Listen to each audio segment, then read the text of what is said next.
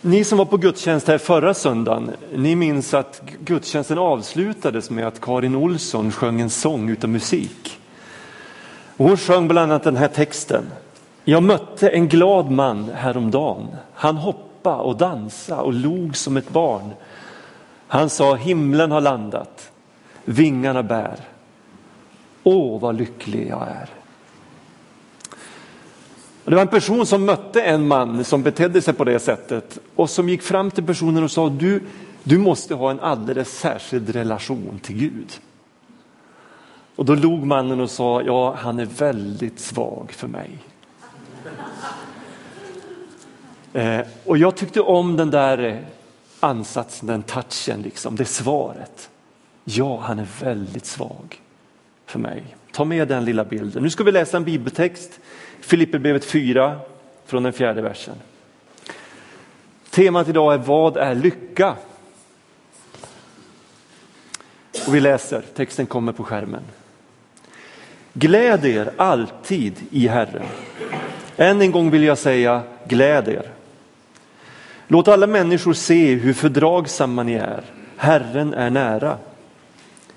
Gör er inga bekymmer, utan när ni åkallar och ber, tacka då Gud och låt honom få veta alla era önskningar.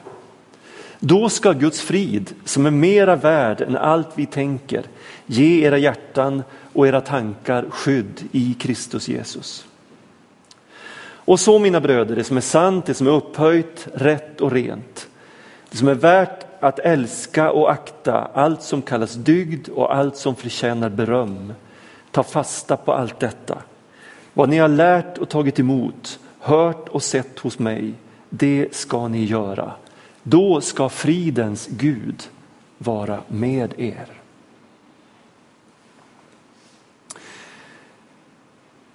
Min predikan kommer att ha tre delar. Jag kommer att ta ett avstamp i vår samtid. Ehm, jag kommer att tala om två skyltfönster till mitt inre liv. Och jag kommer att tala om sex förankringspunkter för mitt yttre liv. Eh, men först, eh, ett år framåt så kommer vi att ha livet med Jesus som tema i den här församlingen. Ett övergripande tema, det kommer att känneteckna våra gudstjänster, eh, predikningar, förhoppningsvis cellgrupper, barngrupper, ungdomsverksamhet och så vidare. Livet med Jesus. Eh, och starten för det här blir högtidsmötet 7 september. Då är vi tillbaka till klockan 11 på förmiddagarna. Eh, 21 september så har vi en församlingsdag när vi kommer att fördjupa oss i det här temat, eh, livet med Jesus. Och Det här är hämtat från vår programförklaring som församling. Vi har sagt så här, vi vill hjälpa människor till livet med Jesus. Eh, genom att leva nära Gud, nära varandra och nära samhället. Och jag känner ändå att jag kommer att tjuvstarta lite idag. För det jag talar om idag handlar om livet med Jesus. Temat Vad är lycka? Är det en viktig fråga? Vad är lycka? Har ni någon gång ställt er den frågan? Jag tror faktiskt att det är en, en av de absolut vanligaste existentiella frågorna som människor ställer sig i vårt land, i Sverige idag. Den finns där på något sätt hela tiden. Kanske inte alltid uttalad eftersom vi inte vill avslöja att vi stångar så pass mycket med livet som vi gör. Jag tror att det vilar ett tryck över svensken att vara lycklig. Och därför försöker vi framstå som lyckliga individer. Samtidigt tvivlar vi ofta på andras lycka och utgår ifrån att den som bloggar eller instagrammar eller facebookar för mycket idyll lever i någon form av självbedrägeri eller försöker framstå som någonting som man inte är.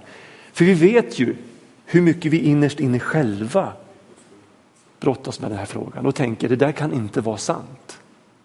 Det där måste vara en image som människor målar upp. Samtidigt ser vi i samhället idag en trend. Där kändisar visar upp sin olycka, de delar sin livskamp. Och det har den sista, de här sista åren dykt upp överraskande hudlösa program som jag tror många av oss attraheras av och tycker är bra. Jag tänker på program som Så mycket bättre, som jag fastnar väldigt mycket för när jag börjar titta på den serien. Just på grund av att här möter man människor som ganska naket berättar om sitt liv. Vad man har gått igenom, prövningar man har haft. Eh, och ganska magstarka saker som ändå tror jag kan bli till hjälp för oss vanliga dödliga i vår brottning med livet. Stjärnorna på slottet, ett annat program. Seriösa, ärliga samtal med politiker som kanske skiljer sig lite grann från vad vi är vana vid att se av politikersamtal. Eh, Skådespelerskan Helena Bergström säger inför årets upplaga av Stjärnorna på slottet där hon själv ska vara med och ha lite huvud, huvudroll. Det är inte lätt att få folk att ställa upp i det här. För vi är extremt rädda, många av oss i vår bransch. Delvis beror skräcken på programupplägget om utelämnande samtal, tror Helena Bergström. Men det är inte bara kravet på snyfthistorier som spökar. Det är det här med att man måste lämna ut sig själv. Att det liksom ingår i programidén. Samtidigt konstaterar hon, man får ju faktiskt prata till punkt. Eh, vilket är ganska ovanligt i, i mediavärlden. Personer som Alex Schulman, Henrik Schyffert som har häcklat det mesta eh, har överraskat med sårbarhet. Fredrik Lindström och Henrik Schyffert har gjort succé med föreställningen Ljust och fräscht som handlar om hur vi eh, är besatta av vårt boende och hur vi har en illusion om att vi kan bo oss lyckliga. Och nu, nu sätter de upp Ägd, Pengarna eller livet. En självkritisk föreställning som riktar kritik mot konsumtionssamhället och mot dem själva. Jag vet inte om ni läste Dagen, ni som har tidningen i fredags. Karl-Henrik Jaktlund lyfte i ledaren fram Aftonbladets kampanj Otillräcklig som har pågått den här senaste veckan. Här tar Aftonbladet avstamp i den växande psykiska ohälsan, inte minst bland unga människor. Den ökar dramatiskt i Sverige idag. Och man vill bryta isoleringen kring det som man kallar för utanförskapet på insidan. Människor kämpar med panikångest, vi har en stor, eh, ett stort problem med utbrändhet, svår oro och kraftig nedstämdhet. Och jag känner alla de här initiativen till att på något sätt lyfta på locket och visa på vårt sanna jag är bra om motivet är äkta. Om man har en, en önskan att det här ska få bli till hjälp för någon annan. Sen kan det naturligtvis också bli trender och, och ett, ett, ett eh, egotrippande i detta också. Men jag tror att det är bra med sårbarhet på alla nivåer i vårt samhälle. Vi är världens rikaste människor, vi svenskar, men vi är inte världsbäst på lycka. Vad säger nu Paulus? Låt mig börja med de där två skyltfönstren till vårt inre liv. Gläd er alltid i Herren. Än en gång vill jag säga gläd er. Låt alla människor se hur fördragsamma ni är.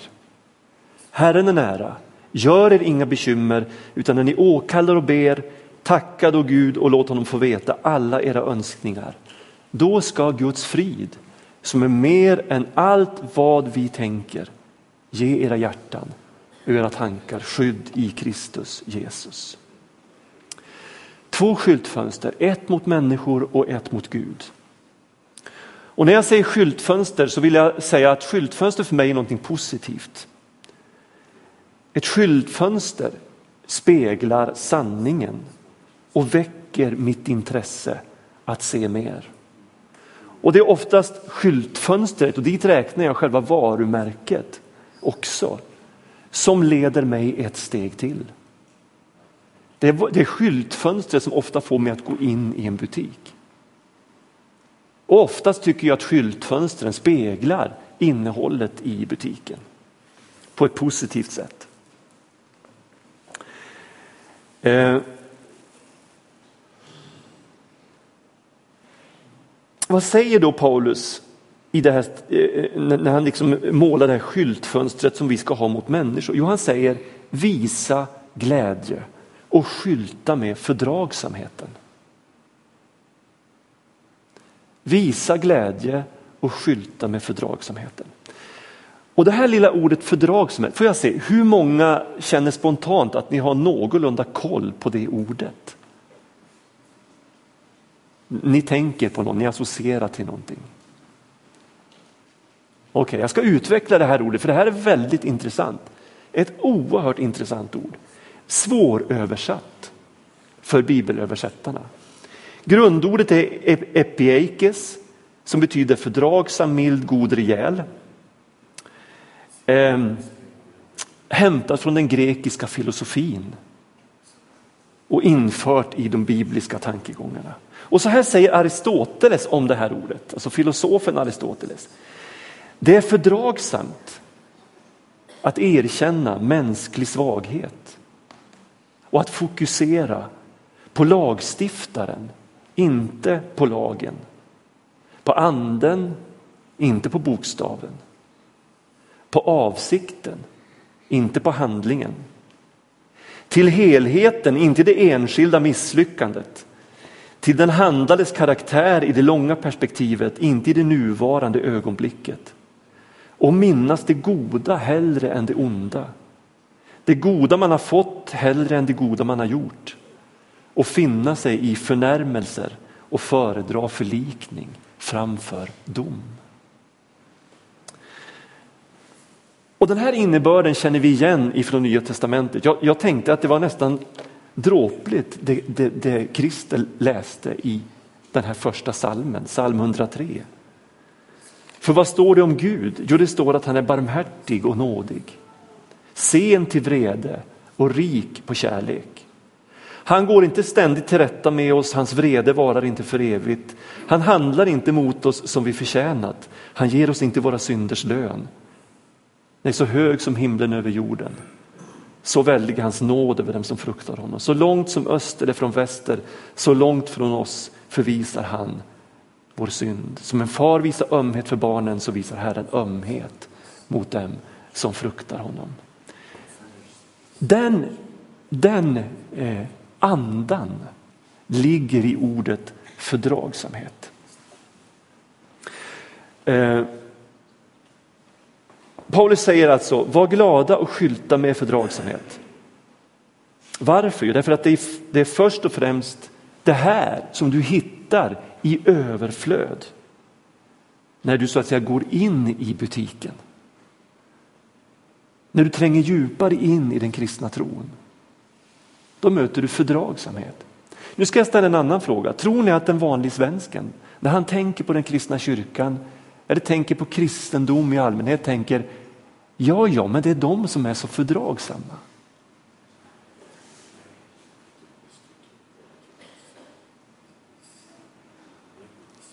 Och det här, det här, jag såg att många av er skakade på huvudet. Det här är ett problem. Därför att det här med fördragsamhet är något av det vackraste som finns i den kristna tron. Och jag skulle önska att varenda svensk kopplade ihop de kristna man har mött, den kristna kyrkan och tanken på den kristna tron med det här otroligt vackra ordet fördragsamhet. Andra bibelöversättare har sagt så här, Hedegård till exempel, låt alla se ert vänliga sinnelag. Bo Giertz har skrivit så här, låt alla se hur storsinniga ni kan vara. En författare, en bibelöversättare som heter Sörensen har sagt, gör intryck på alla människor genom ert tillgängliga väsen. En dansk översättning, låt alla människor märka att ni har ett milt sinnelag. En annan, hur vänliga och tåliga ni är. En annan, att ni aldrig insisterar på lagens bokstav. Och Jerusalem Bible, låt er, låt er tolerans bli uppenbar. Jag tror att det är viktigt att vi vågar spegla oss i bibelordet och spegla oss i ett sånt här ord och verkligen be en bön. Gud, jag vill inte nöja mig med mindre än att mitt liv utstrålar Eh, fördragsamhet. Har ni förstått nu det här ordet? Fördragsamhet. Skylta med glädjen. Skylta med fördragsamheten. Låt människor se det. Och sen säger Paulus Herren är nära och då är frågan var hör det här ordet hemma? Ja, i vår versindelning så knyts det till den, den första versen där, vers, eh, vers 4 och 5. Gläder i Herren, än en gång vill jag säga glädje, låt alla människor se fördragsamma ni är, Herren är nära. Men är det självklart? Jag tänker mig att Paulus sätter punkt efter hur fördragsamma ni är. Och så påminner han om Herren är nära. Bekymra er därför inte. Alltså på, påminn dem, kom ihåg, Jesus är alltid hos er. Det blir han har sagt, jag är med er alla dagar till tidens slut. Gör er därför inga bekymmer. Utan när ni åkallar och ber, tackar då Gud och låt honom få veta alla era önskningar. Det här är skyltfönstret mot Gud. Det är det här Gud vill se när han ser på oss. En djup, djup förtröstan och tillit till honom. En vila i Herren är nära. Jesus är med mig, alltid. Och därför kan jag alltid luta mig mot Gud. Jag behöver inte i grunden bekymra mig, oroa mig, ta ut tragedier i förskott. Utan jag kan vila. Eh, och jag kan berätta allt för honom, göra alla mina önskningar kända inför Gud genom åkallan och bön med tacksägelse. Vad säger alltså Paulus? Var glad i Gud, skylta med din fördragsamhet. Påminn dig ständigt om att Herren är nära, så då behöver du inte vara orolig utan kan dela allt med honom. Då ska Guds frid, som är mera värd än allt vad vi tänker, ge era hjärtan och era tankar skydd i Kristus Jesus. Här säger alltså Paulus att Guds frid är mera värd än allting annat. Vi kan tänka ut en massa bra saker, vi kan ägna oss åt mindfulness, vi kan ägna oss åt allt möjligt för att vi ska vara lyckliga. Men friden är mera värd än allt det där som vi kan tänka ut. Och frid är ju ett, ett väldigt centralt tema i Bibeln. Eirene är, är, är grundordet. Eh, och, och, och den här friden, den har både en objektiv sida och en subjektiv sida. Jag ska förklara vad jag menar. Den objektiva sidan av friden, den hittar vi i Romarbrevet 1. Förlåt, 5 och 1. Där Paulus säger, då vi nu har gjorts rättfärdiga genom tron har vi frid med Gud. Då vi nu har gjorts rättfärdiga genom tron har vi frid med Gud. Alltså friden är ett tillstånd. Friden är en verklighet som vi med full frimodighet kan eh, ta till oss och levandegöra på alla tänkbara sätt. Friden finns där som en reell verklighet, en objektiv sanning om mitt liv. När jag har gjorts rättfärdig genom tron så har jag frid med Gud. Alltså oavsett vad jag känner så är jag i detta tillstånd. Jag är i Guds frid. Den subjektiva sidan eh, handlar om ett andligt välbefinnande. Det handlar om att kunna slappna av, det handlar om att känna vila och glädje trots att omständigheterna varierar. Eh, och jag ibland går igenom tuffa perioder i livet. Och utan fridens objektiva sida så vore den subjektiva sidan inte mer än mindfulness eller självsuggestion eller positivt tänkande. Och den skulle variera med mina känslor. Med vad jag äter till frukost eller vad jag möter i vardagen.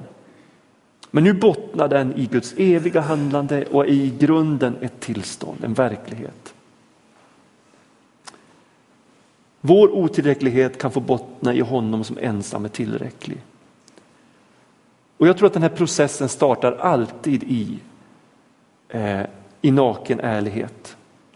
Där jag slutar bortförklara och skylla ifrån mig och erkänner mitt fullständiga beroende av Gud.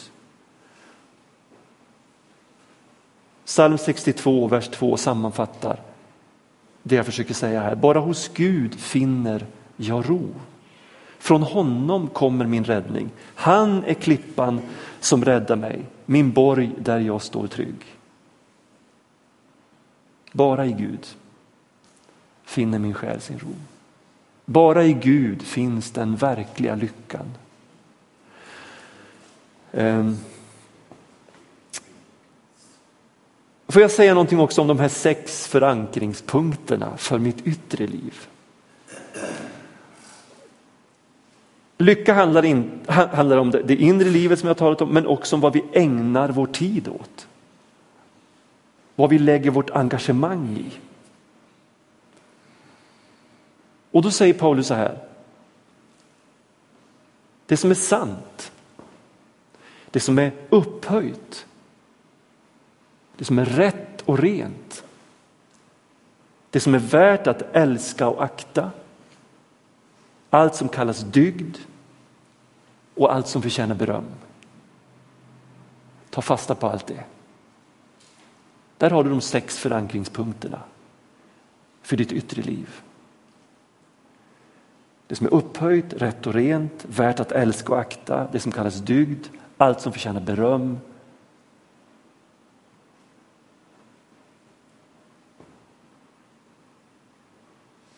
Håll fast vid det.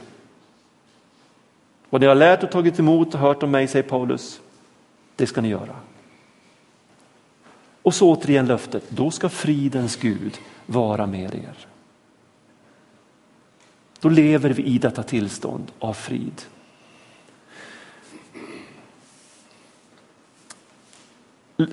Vad, vad, vad, är då detta? Vad står de här sex förankringspunkterna för?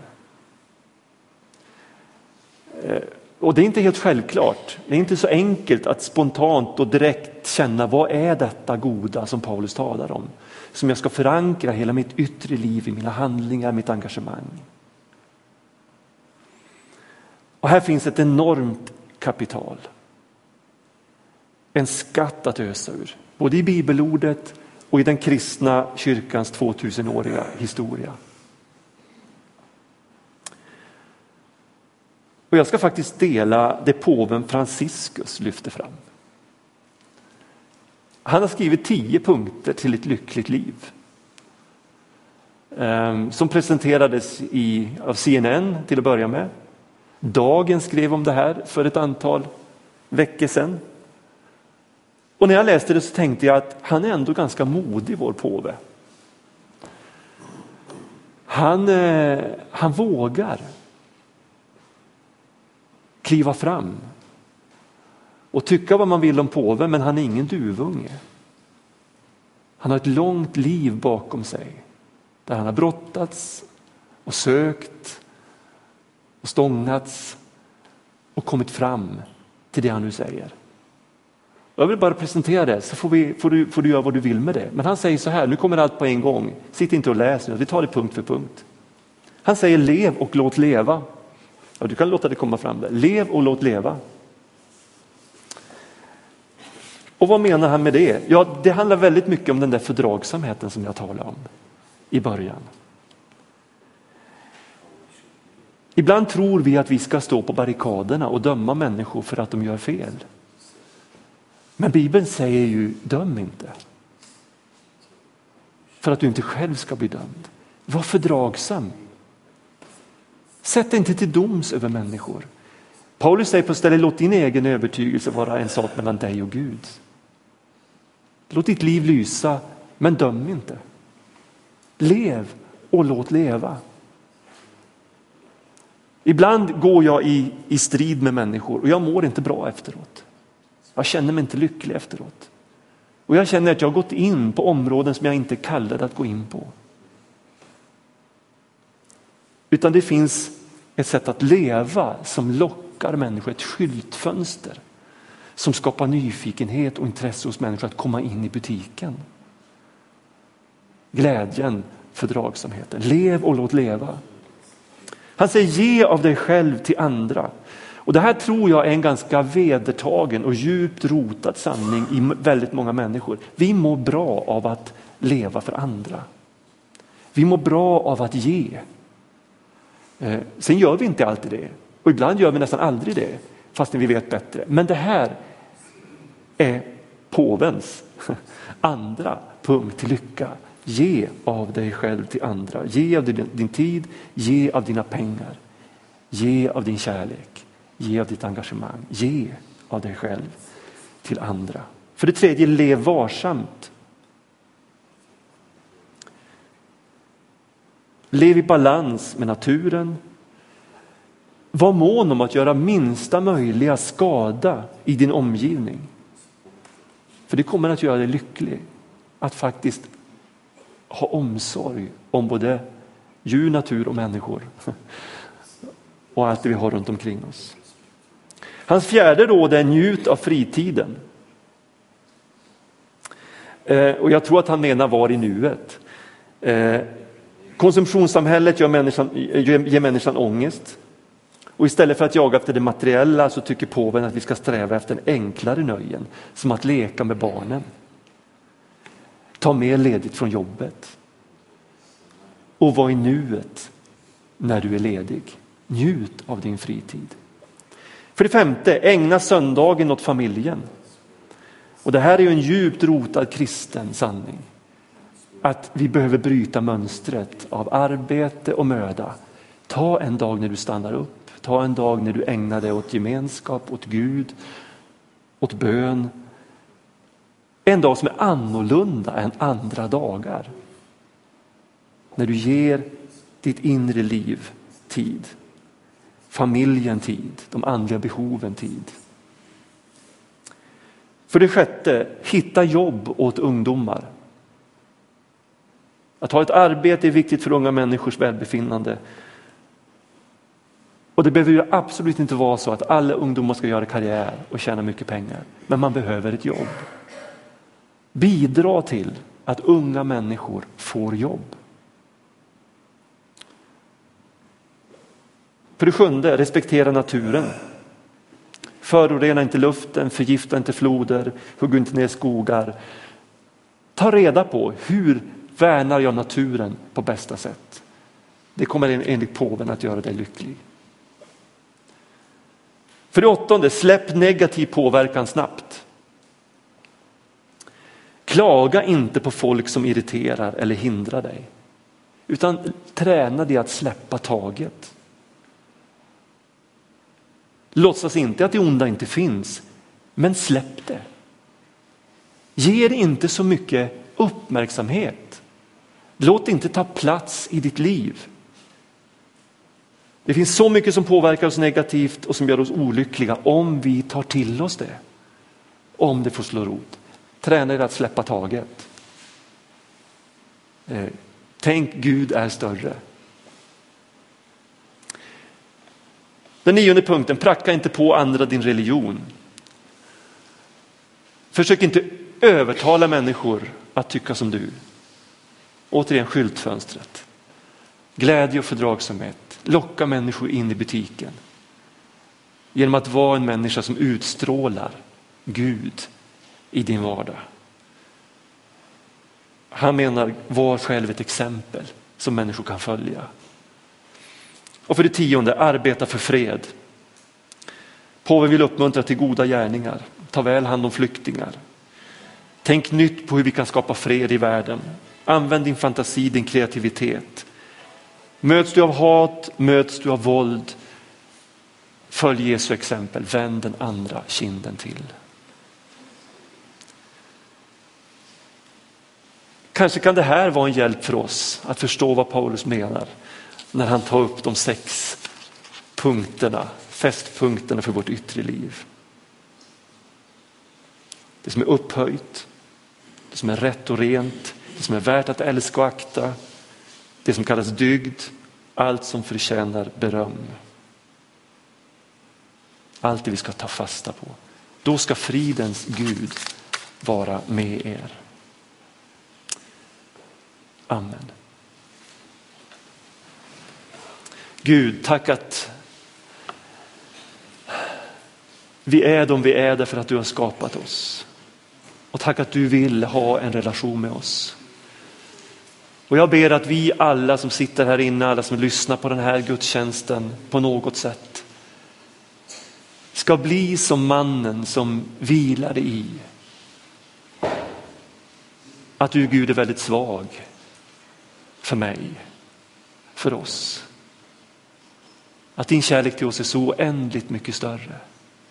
Din värme och ömhet för oss så oändligt mycket rikare. Än vad vi kanske i vår stressade vardag kan ta till oss och förstå. Så högt som himmelen över jorden, så väldig är din nåd över den som fruktar dig. Så långt ifrån oss låter du våra överträdelser vara. Herre, forma oss. Hjälp oss att leva på den här jorden med din frid i våra hjärtan. Hjälp oss att leva inifrån, hur omständigheterna än ser ut. Inte utifrån och låta oss dras med i all stress, all oro, allt jagande.